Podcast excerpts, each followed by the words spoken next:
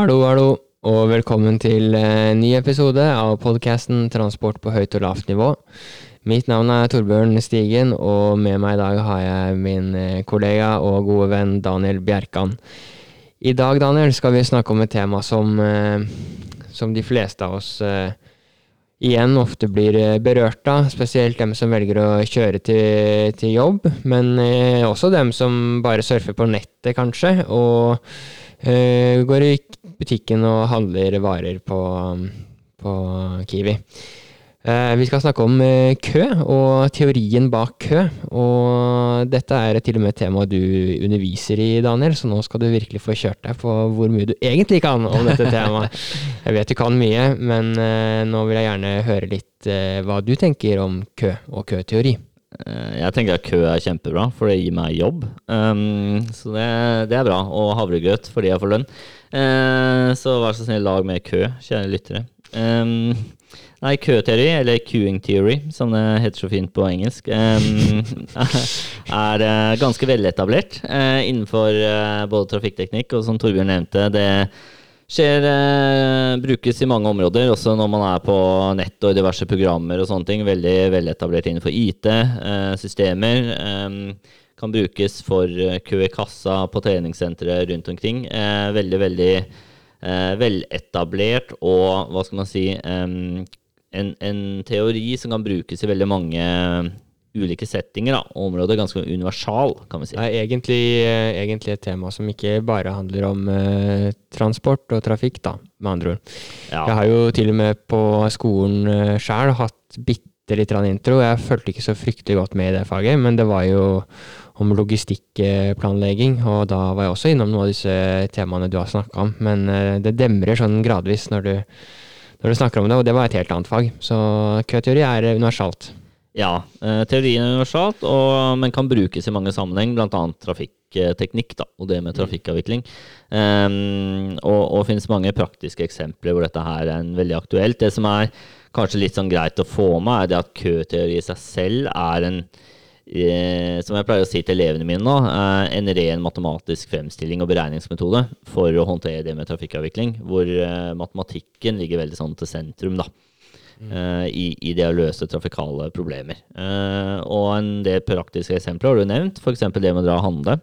Uh, hvor, hvordan vi avvikler den kassakøen, eller kø til sånne automatiske hva skal man si, sånne kasser hvor du ordner alt sjøl, eh, er eksempler hvor køteori kan brukes for å regne på hvor godt køen avvikles, eller trafikken av de handlede, hvor mange kasser man burde ha, sånne ting hvor, hvor lang plass til køen, f.eks., mm. eh, og sånne ting. da. Eh, så er den veldig veletablert og har vært i veldig mange år. Eh, og er nok dessverre noe som ikke undervises så mye som du burde eh, på utdanninger innenfor trafikkteknikk og trafikkavvikling i Norge. Men det, det prøver jeg å gjøre noe med. Mm. Men uh, vi skal dra litt sånn uh, ta, ta, og bryte opp et sånt køsystem da, i litt uh, i, i, litt ulike bolker, da. Hva, hvordan, hva, hvordan vi, hva, hva, skal man ta høyde for når man skal regne på kø? Hva er det som uh, er viktig å vite noe om uh, i forbindelse med det, når man skal begynne å analysere køsystem for å f.eks. vurdere hva, hvor mange kasser som er nødvendig på Kiv, eller hvor mange uh, ramper, holdt jeg på å si, det er ut av et kryss, eller uh, ja, mm. hvem vet? Eh, jo, um, køteori i seg sjøl, og det vi, vi ser på køsystem, da, hvor f.eks. disse betaling av matvarer er et køsystem. Et system hvor, hvor kø etableres og avvikles. Um, og da deler man gjerne inn eh, som det du nevner, i ulike parametere eh, og deler av det køsystemet, hvor en av dem er jo da ankomstene. Eh, og man trenger på en måte en form for beskrivelse av hvordan trafikken ankommer. Mm. Hvor raskt ankommer eh, f.eks. biler da, inn til et veikryss, f.eks. Um, og, og tallfeste det, da. Du må jo ha noe Matematikken ligger jo til grunn her, så man må jo på en måte ha en eller annen funksjon eller eh, mengde trafikk da, eh, som ankommer. Eh, og tilsvarende så har man behandlingsfordeling, som er motpolen, om hvor um, raskt og effektivt på en måte man avvikler denne trafikken. F.eks. Uh, om man avvikler x antall trafikanter per minutt, f.eks., eller om den endrer seg fordi den er mer dynamisk, og sånne ting. Men en eller annen form for matematisk uh, uttrykk da, uh, ja. for, for, avviklingen. Så det, det, du sier nå, er at det man trenger å gjerne vite, det er hvor mange kommer, og når kommer dem? Hvordan fordeler de som kommer seg, på en måte? Mm. Og de som betjener de som kommer, hvor, eh, når, når, er det dem er oppe og betjener, og hvor mange er det som betjener dem, da. Ja, Men er det riktig å si at altså i trafikkverden, da, så ville jo jeg tenkt umiddelbart at eh, i hvert fall i dagens trafikksystemer, at du har eh, Ja, du kan jo sikkert justere litt på det òg, men jeg har hørt om historier om f.eks. at du ja, Vi kan ta det eksempelet etterpå, men uh, at du, der har du vel en ganske konstant uh, behandlingsfordeling, har du ikke det? Altså Et kryss tar, tar jo og betjener et visst antall kjøretøy uavhengig av når på døgnet der, holdt jeg på å si. Ja, du kan se på i f.eks. et veikryss, så kan du ha eh, en slags sånn form for maksimal kapasitet, som kan ses på som denne her eh, behandlingsfordelingen av hvor mye mm. trafikk du du avvikler. Men hvis du f.eks. tar et T-kryss, da, og hvor mye trafikk du kan avvikle på hovedveien, gitt at hvis vi ser for oss høyreregulering f.eks., vil være avhengig av mengden sideveistrafikk du får på denne her eh, sideveien. Men da er du inne i et annet køsystem nesten som mikses med det første, da? Ja, ja, du må egentlig se på uh, køsystemet i form av geometri og sånne ting, er jo likt. Men Uh, behandlingsfordelingen vil jo være forskjellig. Eh, og da må du jo gjennomføre egne beregninger. Ja. ja, fordi da begynner du å få et litt komplekst køsystem når du tar høyde for at behandlingen av den ene armen, blir det riktig å si, eller den ene retningen, avhenger av andre faktorer utenfra, f.eks. fra andre sideveier etc. Det er det du mente da? Ja, men du må se på det sånn at hvis du skal bruke køteori, så regner du ut for det spesifikke scenarioet du har tall for, på en mm. måte. Mm. så hvis du har 20% sideveistrafikk, så er det det du regner på. Skal du sjekke trafikkavviklingen med 15% sideveistrafikk, så må du regne ut på nytt med nye tallverdier. Mm. Uh, Men du kan vel kanskje også ha en beregning med u, u, eh, varierende sideveistrafikk? I, i, da må du ha et matematisk uttrykk for hvordan den varierer. Ja. ja, ja men hvis ja. du har det, da, mm. basert på trafikkdata f.eks. Ja.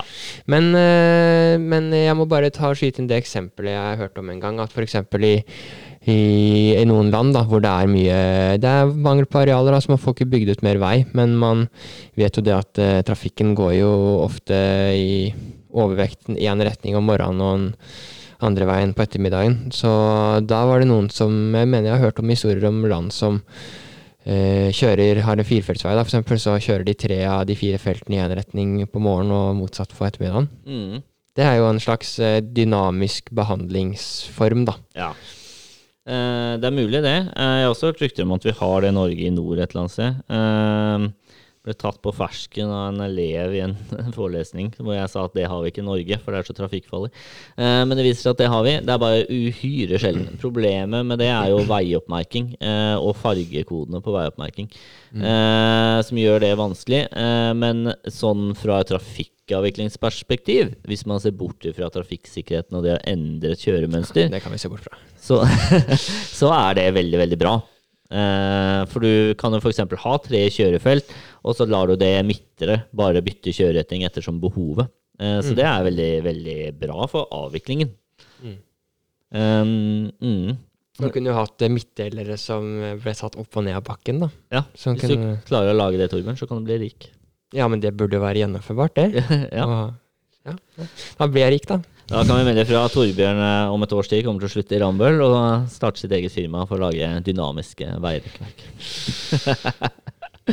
Veldig bra for trafikkavviklingen. Um, men i tillegg, da, Torbjørn, uh, til uh, alt det vi har nevnt i eh, køsystem, så er også antall behandlere. Og det er akkurat det du er inne på her med antall kjørefelt. Da. Det er jo antall behandlere. Det er også veldig sentralt i det med køteori og køsystem. For å beskrive hvor godt trafikken avvikles. Desto flere kjørefelt, eh, desto flere kasser, desto flere apparater på treningssenteret, eh, jo, jo, mer trafikk kan du avvikle samtidig, da. Mm. Og det øker den totale mengden trafikk du klarer å avvikle. Da. Så det er en veldig sånn sentral parameter å legge inn i de matematiske utregningene som benyttes i køteori. Da. Ja. Fint. Um, flott, Daniel. Tusen takk. Tusen takk. Dagens kompliment. Nei, men eh, jeg syns køteori er egentlig utrolig spennende. Skulle gjerne, skulle gjerne tatt faget ditt, eh, Daniel, i mm. det mhm. her. Så oppfordring om å få tillatelse det, kanskje, når tida strekker til. Mm. Um, du har aldri tid, da, men ja. Ja, nei, ja, jo, jeg har jo tid hvis man, hvis man vil, men Ja, du bare gidder ikke prioritere faget mitt. lærer, lærer, det litt i podkasten òg, da. Men uh, vi er inne på en liten lov som er sentral også i forbindelse med um, køteori, som uh, jeg også har hørt om før, og for så vidt uh, regna litt på. Men uh, jeg skal være ærlig og si at du har nok sett mer på den nå i det senere tid, og det er en lov av en liten kar. Littles lov. Ja. Uh, Littles law er uh, veldig sånn sentral køteori. Um, det er jo da en sammenheng uh, mellom ulike parametere. Uh, og det å ta matematikken i podcast-form er jo kanskje begrensa pedagogisk, men, men i hvert fall hvordan man, han kom fram til den. Men det loven sier, er jo at gjennomsnittlig kølengde da, i ethvert køsystem eh, tilsvarer denne ankomstraten multiplisert med gjennomsnittlig tid i køsystemet. Eh, og det handler litt om at eh, ved stabile køsystem eh, så er det en, for, en veldig enkel formel da, å bruke, som gjelder egentlig for ethvert køsystem, og står veldig sentralt for også det å regne ut videre, mer detaljerte parametere, som, som beskriver um, trafikkavviklingen. Da. Og så må det også sies at uh, den direkte, sånn som det med gjennomsnittlig kølengde eller gjennomsnittlig tid brukt i køsystemet, er jo veldig sentrale parametere som beskriver køsystemet i ganske stor grad i seg sjøl. Mm. Så ja, så den, eh, den gjennomsnittlige tiden brukt i køsystemet, det er avhengig av tidspunktet du ser på, selvfølgelig. Det, ja, som igjen mm. er uh, avhengig av andre, ja. f.eks. ankomstfordeling og behandlingsfordeling. Mm. Mm. Ja. Uh, så, men det som er litt sånn greit å få med seg, er jo det med den praktiske bruken av køteorier. Vi snakker mye om matematisk fremgangsmåte uh, nå og sånne ting. Og, og, det er klart det å sette seg ned og regne er jo på en måte en teoretisk bit, men det at dette har så utrolig praktisk brukbarhet, da, fra det å sitte på et papir og skrive ned, eller et Excel-ark, til at du kan få helt sånn praktiske eksempler inn i det, mm. er jo det som kanskje er det viktige. Eh, både for trafikkavvikling, men også de andre områdene det brukes, sånn som ved programmering da, mm. og datatrafikk. Samtidig så er det jo viktig å ta hensyn til um, hvordan køsystemene og trafikken på en måte oppfører seg, da. Og innenfor køteori så er det jo flere klassifiseringer på det, eh, og masse fine forkortelser der som i alt mulig annet. Eh, og eh, det er viktig å ta hensyn til eh, hvordan behandlerne på en måte hvilken rekkefølge trafikken behandles i. Da. Og da er det flere forkortelser her. Vi har noe som heter FIFO, som står for First In, First Out. Um, som er den uh, egentlig mest vanlige, hvor liksom du kjører inn i et, si et kjørefelt, da, venstresvingefelt, i et signalregulert kryss. Den som står først, det er den første som får kjøre videre. Uh, mens vi har også Eh, motsatt. Eh, LIFO, last in, first out. Så det er den siste. Ikke så vanlig i trafikkteknikkverden. Kanskje inn i et eh, parkeringshus. Hvis du parkerer innerst, så blir du låst inn av alle andre som kommer sist. Ja, ja kanskje. Hvis uh, Ja. Sånn er, det var det eneste eksempelet jeg kom på. Ja, men det, det kan være Det er i hvert fall et urettferdig system. Vi vil leve i et samfunn som er basert på FIFO-standarden. ja. Uh, det er litt flere ting som gjelder òg, i hvert fall sånn i samfunnet som helhet, Torbjørn. Um, ja. Nei da, men eh, FIFO er en fin, eh, fin, eh, fin rettferdig løsning, da. Rettferdig Og løsning. FIFO er en urettferdig løsning, går det an å si. Ja, og så har vi den andre, som er Zero, Service in Random Order. Som kanskje er sånn verden egentlig fungerer, Torbjørn. Ja, det, det er litt mer joker, eh, holdt jeg på å si. Joker Nord.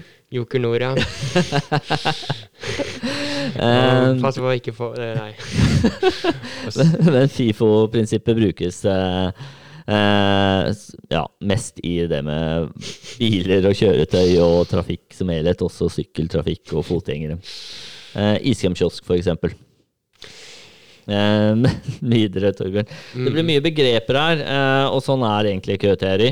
Eh, det som er litt sånn videre å ta med seg, er jo det at det finnes utrolig mange eh, ulike køsystem som man matematisk kan beregne på. og Nå tar vi det mest grunnleggende, og da har vi også det å kar karakterisere og dele det inn i ulike typer system. og Da har vi noe som kalles deterministiske og Markov-baserte køsystem, som er liksom viktig å være klar over. Eh, deterministiske køsystem er de mest sånn skolegreiene, hvor ting er veldig konstant. Alt går helt konstant og er eh, kjent. Eh, hvis du har 60 trafikanter hva skal vi si, inn til en eh, skatepark, eh, og etter 60 i løpet av en time, da, eh, så ett per minutt, og etter 15 minutter så vil du ha 15 der inne. Eh, det er helt superkjent. Veld, veldig forenkling av virkeligheten, da, egentlig, stort sett, eller? Ja, det er vel i, i hvert fall sånn i trafikkverden så kan vi vel si at det ikke er mange køsystem som er sånn, nei. At det er så konstant, på en måte. Men det er, en, eh, det er en god utgangspunkt for både selvfølgelig oppgaver, men også for å faktisk tilnærme seg problemet, da, kanskje. Ja, i hvert fall den teoretiske forståelsen, så er det jo bra for. Ja. Eh, Mens når vi snakker mer praktiske eksempler, så er jo Marco-baserte system, som er um, eksponentielt uh, en eksponentiell funksjon, hvor uh, den, sis- den hendelsen man ser på, kun er avhengig av foregående hendelse.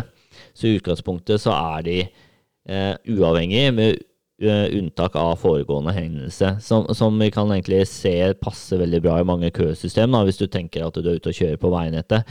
Så egentlig den som påvirker hvordan du kjører som trafikant, er jo i stor grad bilen foran deg.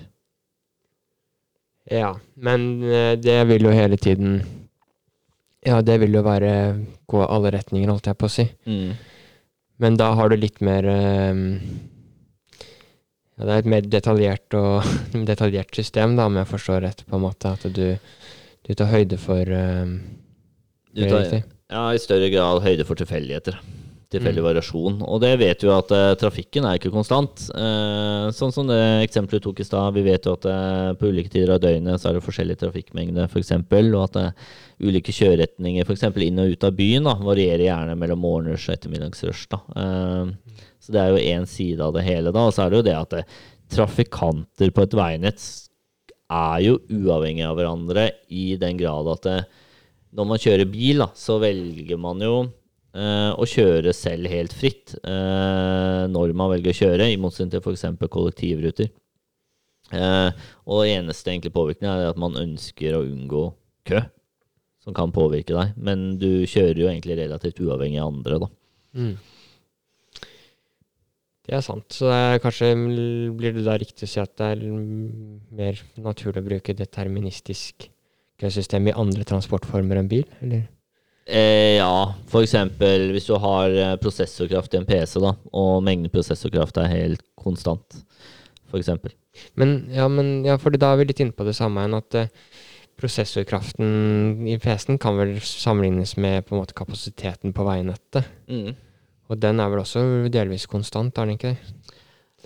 Eh, ja, eh, spørs jo hvor i veinettet du mener, da. For det er jo det med at eh, eh, trafikken i kryss er så avhengig av øvrig trafikk i krysset òg, og ulike svingebevegelser og sånne ting. Eh, så delvis for veikryss så er jo programvare kanskje litt mer egna, mens det å vurdere antall kjørefelt da, og, og venstresvingefelt, da begynner man køteori å bli mer eh, praktisk anv anvendbart.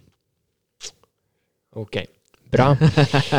Jeg skal snakke i mikrofon. Um, bra. Nei, men ehm, Køteori er uh, veldig interessant hvis du begynner å grave deg ned i det, og egentlig et tema som er vanskelig å fremstille med ord i en podkast. Så Daniel hadde noen utrolig fine figurer uh, han viste meg nå rett før, før uh, vi begynte å snakke nå, som hadde vært flott å flott å få se på for andre òg. Eh, Daniel, du, burde, du, kan jo så mye om dette temaet at jeg burde nesten oppfordre deg til å skrive en bok om det. Men det, det får du ta senere, kanskje. Men eh, da må i hvert fall lytterne skue til den, hvis de hører på denne episoden her, tenker jeg. Eh, mange, mange, muligheter for fremtiden, Torbjørn. Eh, nå er det jo korona, så hvem vet hva man bruker tida på. Det er sant. Jeg bruker tida på å tenke på disse midtdelerne som skal opp og ned opp og ned ulike steder. Du gjør det, ja. Jeg tenker mest på podkasten vår og det å lage fremtidige episoder. Mm. og uh, er et av temaene vi dekker i podkasten. Uh, vi håper at dette har vært en grei introduksjon. Uh, Eh, er jo til dels et tema som er veldig sentralt innenfor trafikkavvikling og transportfaget, men, men eh, eh pga. den matematiske naturen kanskje ikke alltid er like lett å ta i en podkastversjon. Um, men det er greit å hvert fall prøve å ha en introduksjon, sånn at du som lytter er klar over det. Eh, alle som ønsker å lære om det. Eh, det er i hvert fall en veletablert metode.